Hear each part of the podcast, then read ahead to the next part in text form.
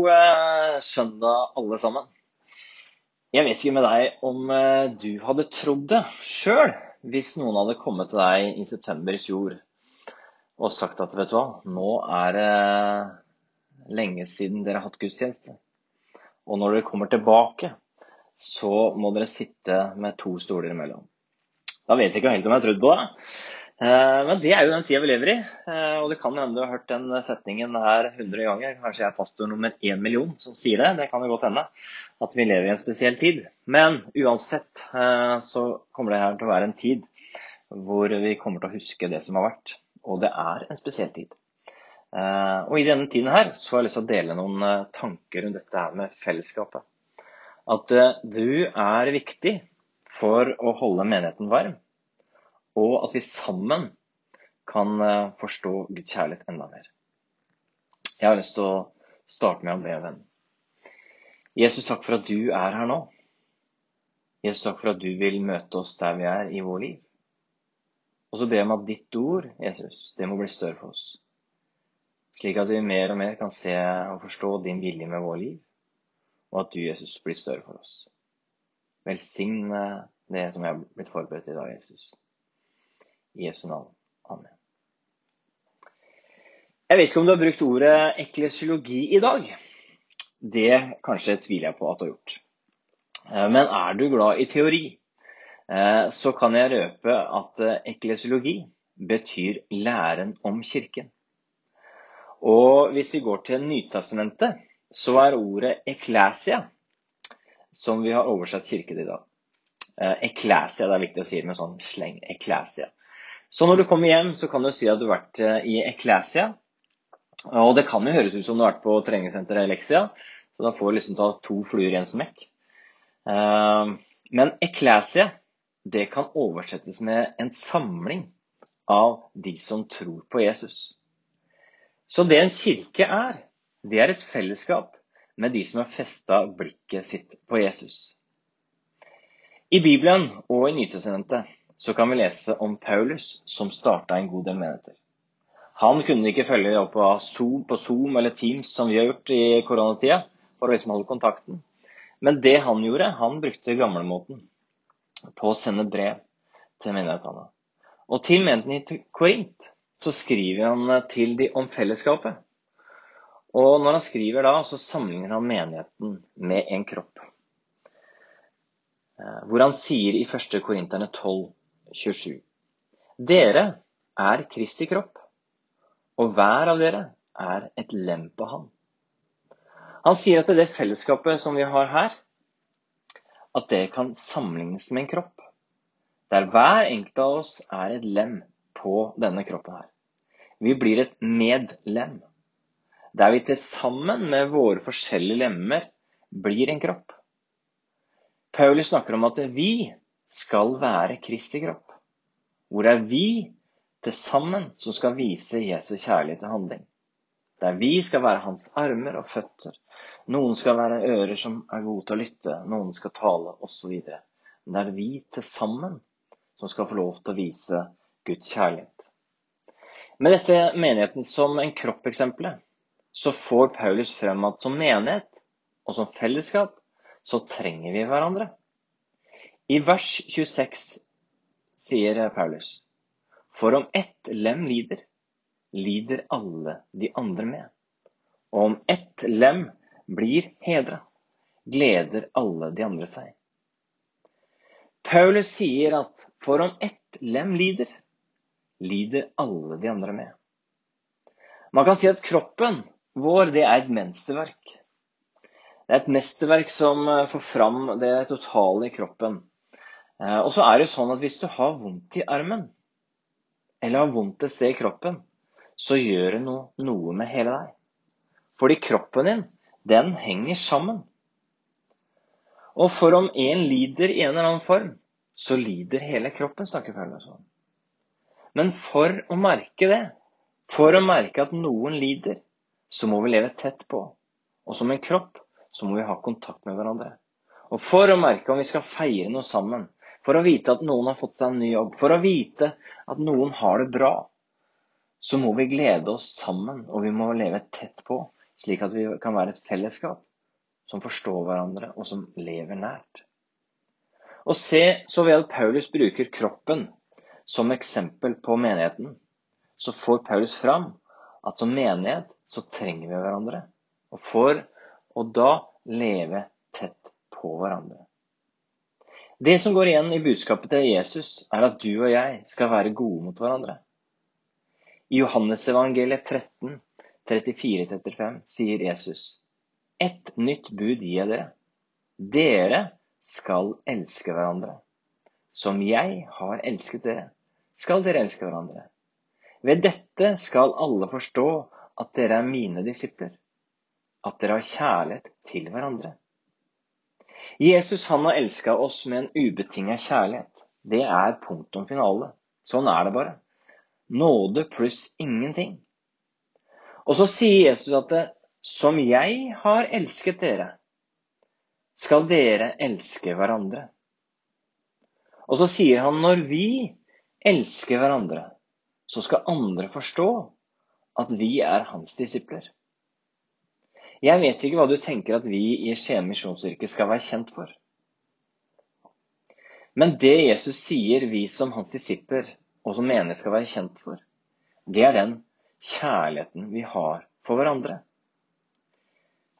Selv om vi må holde en meter avstand, og vi må være litt fra hverandre, så kan vi allikevel være nære og vise omsorg, slik som Jesus utfører oss til å gjøre.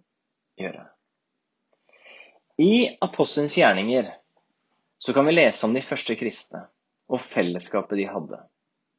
I apostelens gjerninger 2.42-47 står det De holdt seg trofast til apostelens lære og fellesskapet, til brødsbrytelsen og bønnene. Hver og en ble grepet av ærefrykt, og mange under og tegn ble gjort av apostlene. Alle de troende holdt sammen og hadde alt felles. De solgte eiendommene sine og det de ellers eide, og delte ut til alle ettersom hver enkelt trengte det.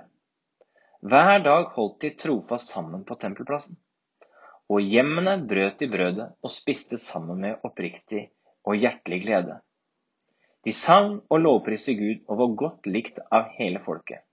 Og hver dag la Herren til nye som lot seg frelse. Her er det utrolig mye å ta tak i, og det kunne vært mange bibeltimer.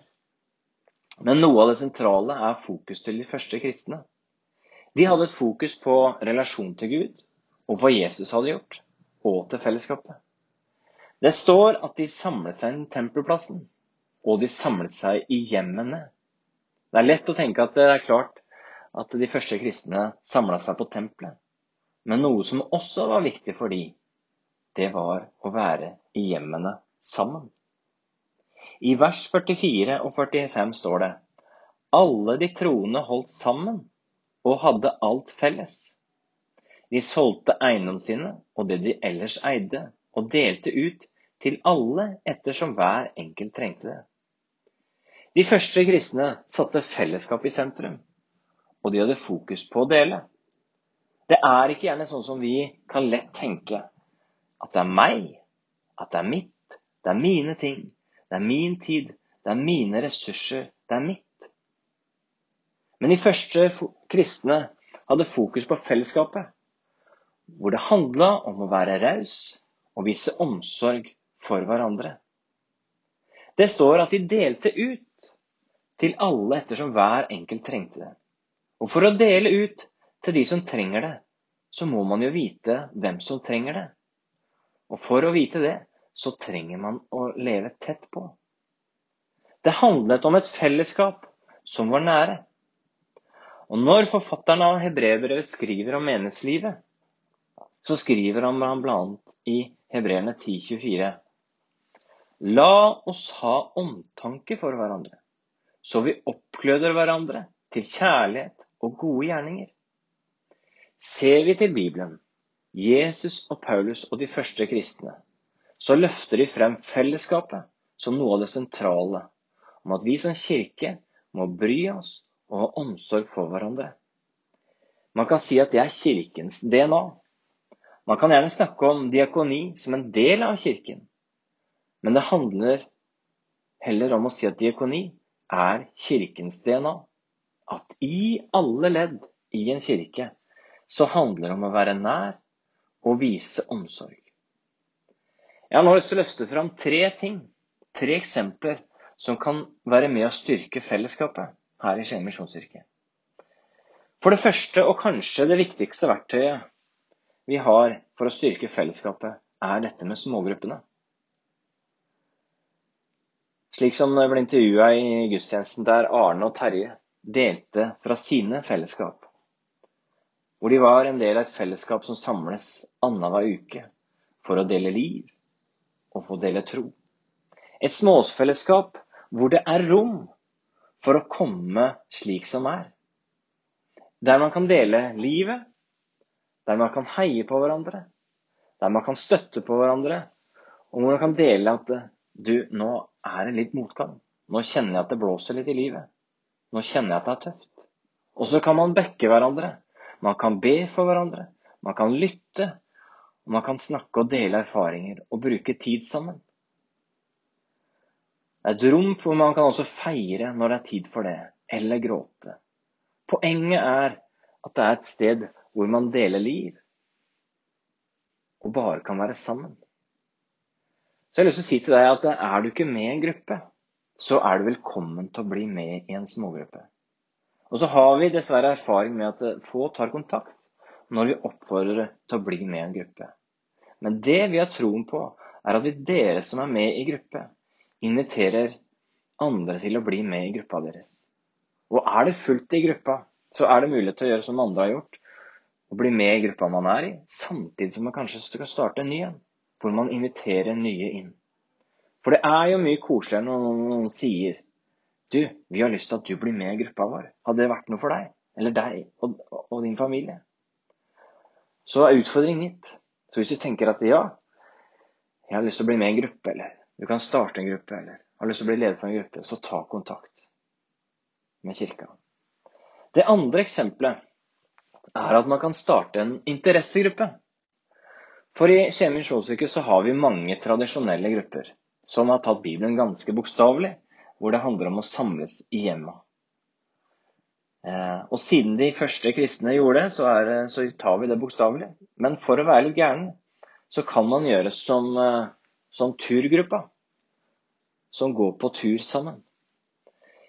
Og jeg tenker at har du en interesse eller hobby, noe du liker å gjøre, og du tenker at vet du, dette her kunne jeg godt tenke meg at det flere ble en del av i kirka, så er det mulighet til å starte flere turgrupper, f.eks.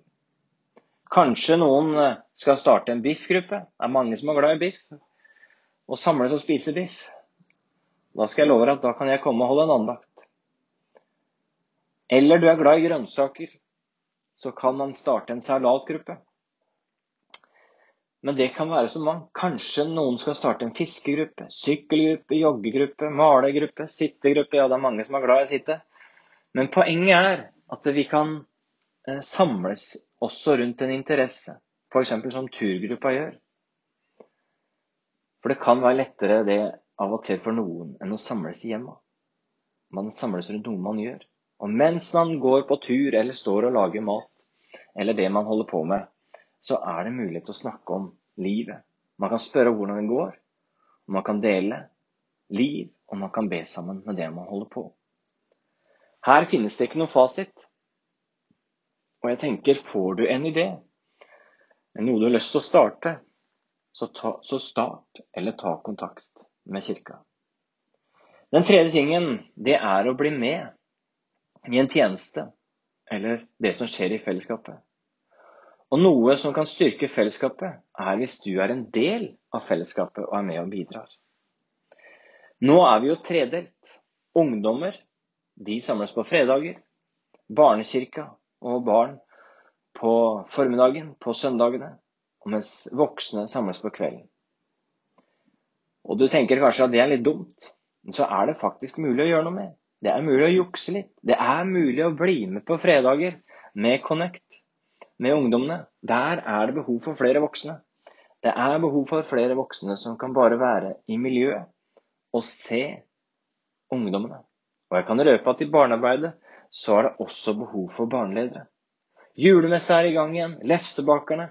Er du handy eller har lyst til å bli handy, så bli en del av huskomiteen.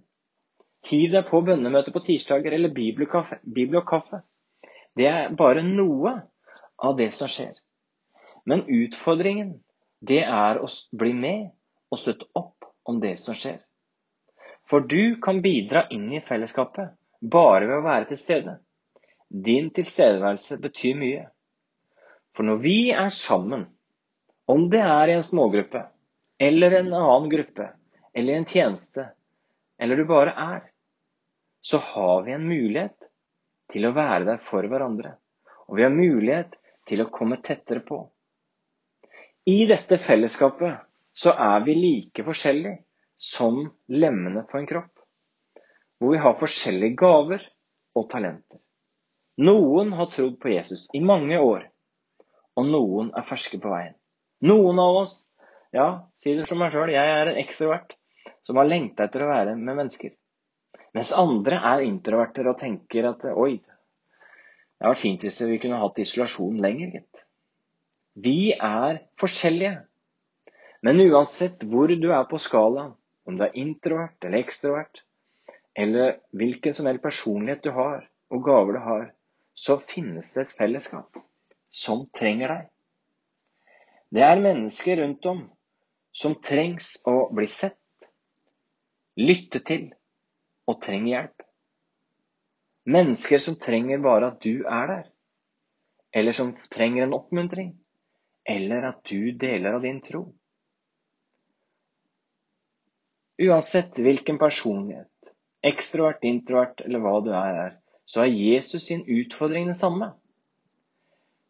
Hvor han sier, 'Elsk de neste, vis omsorg. Slik jeg har elsket dere, skal dere elske andre', sier Jesus. Oppdraget og utfordringen fra Jesus er den samme til alle. Men heldigvis så skal vi få lov til å møte denne utfordringen slik vi er, med vår personlighet og gaver så skal du få lov til å gjøre det på din måte. Paulus han skrev mange brev, og til menigheten i Efesos så skriver han bl.a. i Efeserbrevet. Må Han som er så rik på herlighet, gi deres indre menneske kraft og styrke ved sin ånd. Må Kristus ved troen bo i deres hjerter, og dere står rotfastet og grunnfestet i kjærlighet. Må dere sammen med alle de hellige bli i stand til å fatte bredden, lengden, høyden og dybden, ja, kjenne Kristi kjærlighet, som overgår all kunnskap, står det i Efeserbrevet 3, 16-19.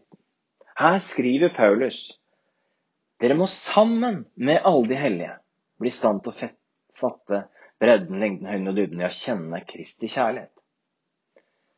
Her er det igjen fellesskapet som kommer i sentrum, hvor Paulus legger vekt på sammen.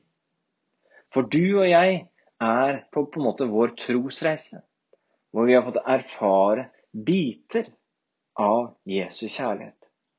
Du har kanskje fått opplevd en bit av Jesu kjærlighet ved at du har hørt en andakt på en podkast, eller du har lest noe, fått høre noe av Jesus sin kjærlighet, så hans kjærlighet for deg har blitt større. Eller du har fått et bønnesvar som gjorde at åh, du kjente Guds kjærlighet. Eller du kanskje ikke fikk det bønnesvaret du håpa på, men du fikk erfare Guds fred. Eller kanskje du har fått erfare Gud på en helt annen måte. Så kan du ta med dine biter av Guds kjærlighet. Og så kan andre ta med det inn i fellesskapet. Slik at vi sammen kan få større bilde av Guds kjærlighet. Bare de siste dagene så har jeg fått kjenne at fellesskapet kan være med oss åpne opp, slik at de kan få en større bilde av Guds kjærlighet. Forrige uke så var jeg og besøkte ei eldre dame på nærmere 100 år. Vi sitter her og snakker sammen, og så tar det litt tid, og så ser jeg på meg og så sier jeg, Torbjørn, jeg er så glad for at jeg er frelst. Hun smiler, og så fortsetter vi å snakke.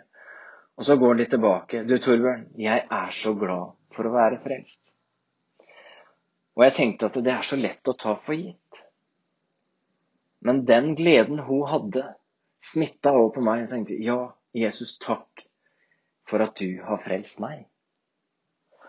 Og på torsdag så hadde vi konfirmasjonsøvelse med de 40 konfirmantene som eh, snart skal konfirmeres. Vi skal ha fem gudstjenester, og vi har begynt å forberede oss. Og jeg har utfordra hver enkelt konfirmant til å dele et bibelvers som de liker å si et par setninger om hvorfor de gjør det. Og nå på torsdag så hadde vi denne øvelsen. Og da gikk jeg fra bord til bord for å høre hver enkelt hvilket vers de hadde valgt, og hva de kjente på. Og det å gå rundt og høre på de 40 forskjellige, dele vers de liker, og hva det betyr for de, det var godt å høre. Og på fredag så kan man si at det toppa seg, fordi da fikk jeg be til frelse med en gutt. Han kommer og sier at han ønsker å ta steget fullt og helt ut og sjøl tro på Jesus. Og Da kjente jeg en glede eh, ved å be frelsesbønn og kunne se han glede seg over det han sa.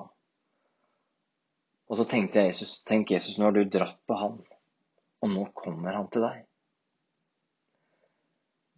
Jeg vet ikke med deg, men jeg ønsker at Jesus skal lede meg enda mer i mitt liv. At jeg ikke bare går på en autopilot og gjør ting slik jeg alltid har gjort, men at Gud kan lede. Tenk om denne høsten her kunne bli den høsten. En annerledes høst på en annen måte enn korona. Men en høst som handler om at du skal få lov til å komme nærmere Jesus. I forberedelsen til denne talen her som jeg ble minnet på Jeremia 33,3. Der står det Rop på meg, så vil jeg svare deg og fortelle deg store, ufattelige ting som du ikke kjenner til. For et herlig vers. Her handler det om at det er du og jeg, vi kan få lov til å henvende oss til Gud. Vi kan rope. Vi kan uh, rope høyt med våre ord, eller vi kan ha det innvendig. Og så står det at Gud han vil svare oss og fortelle oss ting vi ikke kjenner til. Vi har alle vært på vår reise, eller er på vår reise, og fått oppleve biter av Guds kjærlighet. Men jeg tror at vi kan få oppleve mer og mer av Hans kjærlighet som vi ennå ikke kjenner til. Et av navnene på, på Gud, eller Den hellige ånd, er talsmann. Talsmann, dvs. Si at han kan tale til oss. Vi tror ikke på en død Gud, men en Gud som ønsker å tale til oss hver enkelt og en. Og jeg vil utfordre til å, til å spørre Gud, spørre Den hellige ånd, er det noen du minner meg på i dag? Tenk om vi alle kunne ha fast en alarm på telefon klokka 11. Så står det opp Jesus, og da kan du bare stille spørsmål. Hvem er du minner meg på i dag, Jesus? Og så kan det hende det dukker opp en navn. Kanskje noen her i kirka, eller noen andre som er på vei inn i kirka. Eller en, en familie du skal spesielt be for. Og ikke tenk at du må ha skriften på veggen. Og jeg tenker at eh, blir du minnet på et navn, og du handler i kjærlighet, så er altså det Guds gode vilje. For vi ønsker at eh, alle skal få erfare Guds kjærlighet. Så kanskje du da, hvis du nå blir minnet på det, et navn, eller det dukker opp en navn, eller Så kanskje du skal sende en oppmuntringsmelding. Kanskje du skal ringe. Kanskje familien skal gjøre noe godt noe sammen. Kanskje du skal invitere på middag.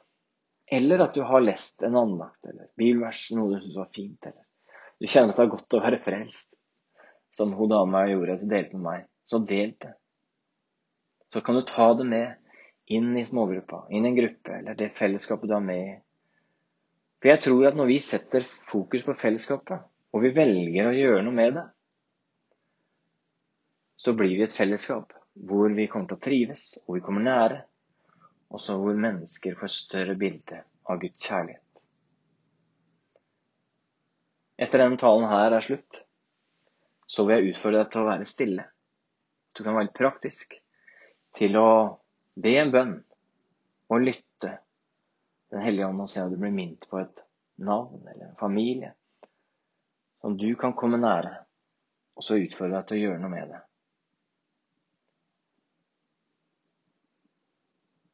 Jesus, takk for uh, ditt ord.